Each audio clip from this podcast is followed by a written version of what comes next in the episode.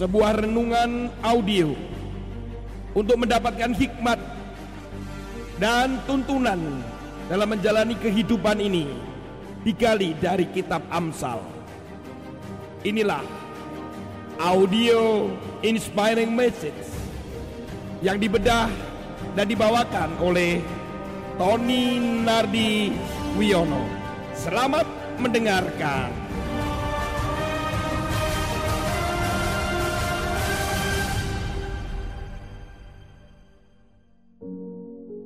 Shalom Bapak Ibu sekalian, saudara kekasih di dalam Tuhan.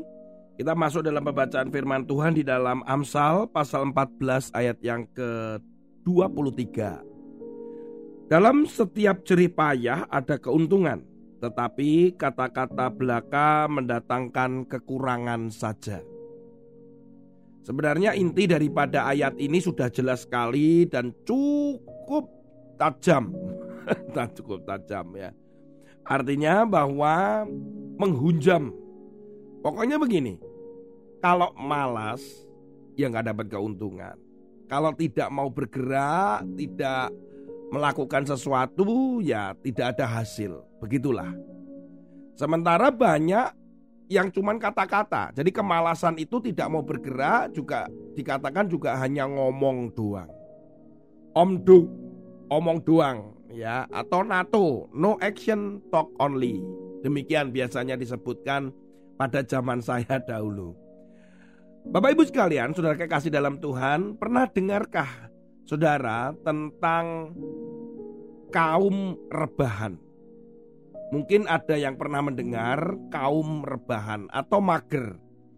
Artinya generasi yang disebutkan dan dilabelkan ya di uh, tempelkan kepada kaum milenial, generasi milenial dan generasi Z atau generasi Z. Z generation. Ya, kalau sekarang berarti kurang lebih umurnya minimal ya kalau termasuk generasi Z ya, berarti kurang lebih 15 16 tahun begitu. Sampai kalau minimal berarti sekitar 30 tahun, 35 tahun. Saudara kekasih di dalam Tuhan, ada satu istilah mereka ini adalah kaum rebahan yang malas gerak, mager. Sebetulnya istilah ini uh, muncul ya terutama di Indonesia itu sekitar tahunnya 2019-an begitu. Di saat ada demo waktu itu kemudian muncullah hashtag atau istilah yang digembar-gemborkan dengan diam di rumah itu adalah eh, baik itulah kemenangan itu adalah membantu pemerintah dan sebagainya karena tidak perlu ikut demo begitulah. Nah ternyata istilah kaum rebahan ini jadi merebak ketika pada masa pandemik seperti ini. Nah di masa pandemik seorang anak muda yang tidak sekolah karena harus sekolah di rumah dan kemudian aktivitasnya juga dibatasin akhirnya membuat mau tidak mau tidak banyak bergerak. Sehingga generasi yang mereka ini sebetulnya harusnya aktif, sekolah dan melakukan sesuatu ternyata menjadi sebuah generasi yang diprihatinkan gitu saudara bahwa kok nggak gerak sih, kok nggak lakukan sesuatu, tidak beraktivitas gitu loh gitu ya. Karena memang sesuai dengan sebuah penelitian yang dilakukan beberapa waktu lalu ya saudara bahwa ternyata satu dari empat orang dewasa itu tidak memenuhi tingkat aktivitas fisik. Jadi ya berarti 25 uh, eh, ya 25 persen begitu.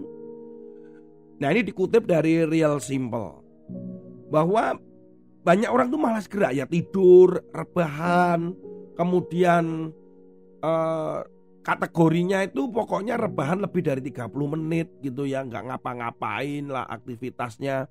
Juga nggak ada apa-apa. Disuruh ini nggak mau disuruh itu males dan sebagainya. Ini bukan hanya dialami di Indonesia saudara ya. Ternyata di seluruh dunia di Cina pun mengalami begitu di Eropa di Amerika. Apalagi media atau dunia digital itu menyediakan fasilitas untuk mereka rebahan untuk nonton, kemudian uh, main game, kemudian melihat berita ini, berita itu, melakukan aktivitas melalui gadgetnya cukup dari kamar dan seterusnya ya. Fasilitas itu menyamankan mereka untuk tidak melakukan apa-apa sepertinya begitu. Sebagai contoh misalkan ketika masa pandemik awal di tahun 2020 kemarin saja, ketika work from home, kemudian di kantor yayasan kami sempat juga memperlakukan demikian, juga kami bingung kami ngapain harus di rumah. Dan ternyata kami ada waktu hampir seminggu itu nonton, bayangkan ya. Nonton, wah nonton Money kemudian nonton film-film seri, film-film lama yang lalu. Ya akhirnya jadi di rumah nonton makan terus kemudian akhirnya nggak produktif kali ya. Nah anak-anak sekolah juga demikian. Bagaimana dia cuman uh, online kemudian waktu istirahatnya dimasuk kamar tidur bahan kemudian pelajaran kuliahnya juga bisa diulang lewat video dan ya akhirnya mereka bangun siang sulit bangun pagi apalagi saat teduh misalkan begitu. Jadi ada begitu banyak hal yang dilakukan jadi tidak produktif. Bagaimana dengan saudara? Karena ciri-cirinya orang-orang yang kaum rebahan ini adalah malas gerak ya tentunya adalah memang nggak mau bergerak.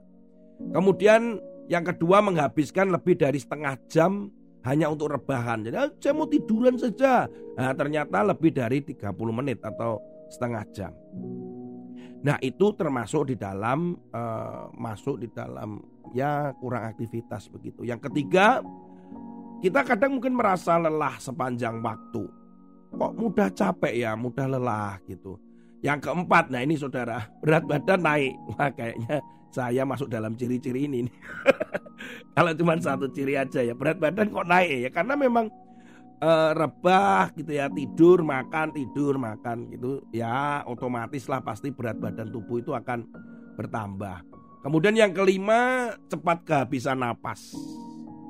Karena ini ternyata terkait dengan tidak bergerak itu eh, terkait dengan jantung ya karena gerak jantungnya itu terganggu ya.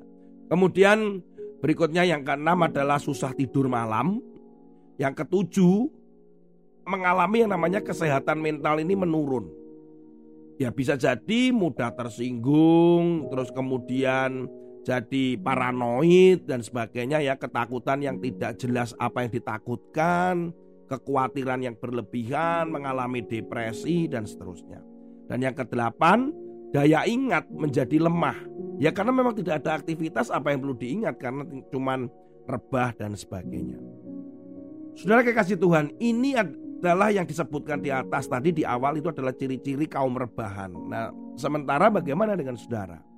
Sementara kalau kita rebahan sebagai orang percaya berarti kita tidak melakukan apa-apa. Kita banyak menunda, kita banyak mengatakan tunggu saja pandemik ini sudah lewat baru kaku melakukan ini, melakukan itu, pelayanan ini, pelayanan itu. Itu akan terlambat. Maka saudara saya mendorong saudara, mengingatkan saudara bahwa kedatangan Tuhan semakin dekat. Sehingga demikian pula kita juga harus melakukan banyak hal untuk menyambut kedatangan Tuhan.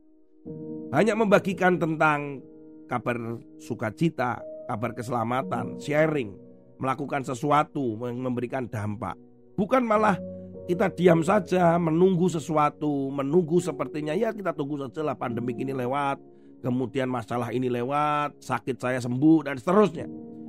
Tapi nggak ada waktu lagi, saudara ya. Kita perlu bangun, kita perlu bangkit. Seperti yang dikatakan di dalam firman Tuhan di dalam Yohanes pasal yang ke-9 ayat yang keempat. Ini yang dikatakan Yesus sendiri loh ya. Kita harus mengerjakan pekerjaan dia yang mengutus aku. Selama masih siang akan datang malam. Di mana tidak ada seorang pun yang dapat bekerja. Saudara kekasih dalam Tuhan, Kata-kata selama masih siang itu artinya bahwa ini kesempatan dan ini kita harus lakukan segera. Bukan dengan rebahan tetapi dengan aktivitas, dengan sesuatu yang kita lakukan. Kita tidak akan mendapatkan apa-apa dan kita akan ya kalau dikatakan dalam Amsal tadi dikatakan tidak mendapatkan keuntungan. Tetapi lebih kepada kita tidak menghasilkan apa-apa sebenarnya. Jadilah orang yang pengikut Kristus menjadi pengikut Kristus, menjadi murid Kristus, menjadi orang percaya yang mendapatkan, menghasilkan keuntungan. Dalam arti bukan keuntungan untuk kita, tapi keuntungan kerajaan Allah. Saudara, wake up. Waktunya bangun. Bangkit, wake up, wake up, wake up, wake up, wake up, wake up. Bukan waktunya untuk tidur menjadi kaum rebahan. Kaum rebahan harus menjadi menjadi kaum perubahan di mana bisa merubah, di mana bisa bangkit, dan bagaimana bisa berdampak. Tuhan Yesus memberkati saudara. Jangan tidur, jangan lengah, jangan ngantuk. Tuhan Yesus menyertai saudara. Amin. Sudahkah kita siap sedia menghadapi datangnya Yesus kelak kembali? untuk mengangkat kita semua yang sungguh-sungguh berharap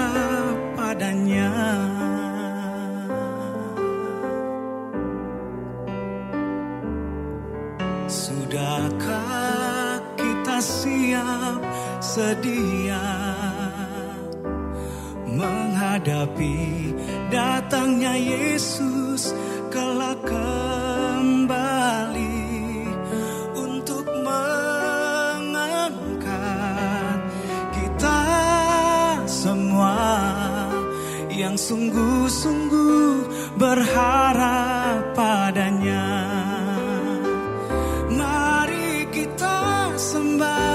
soon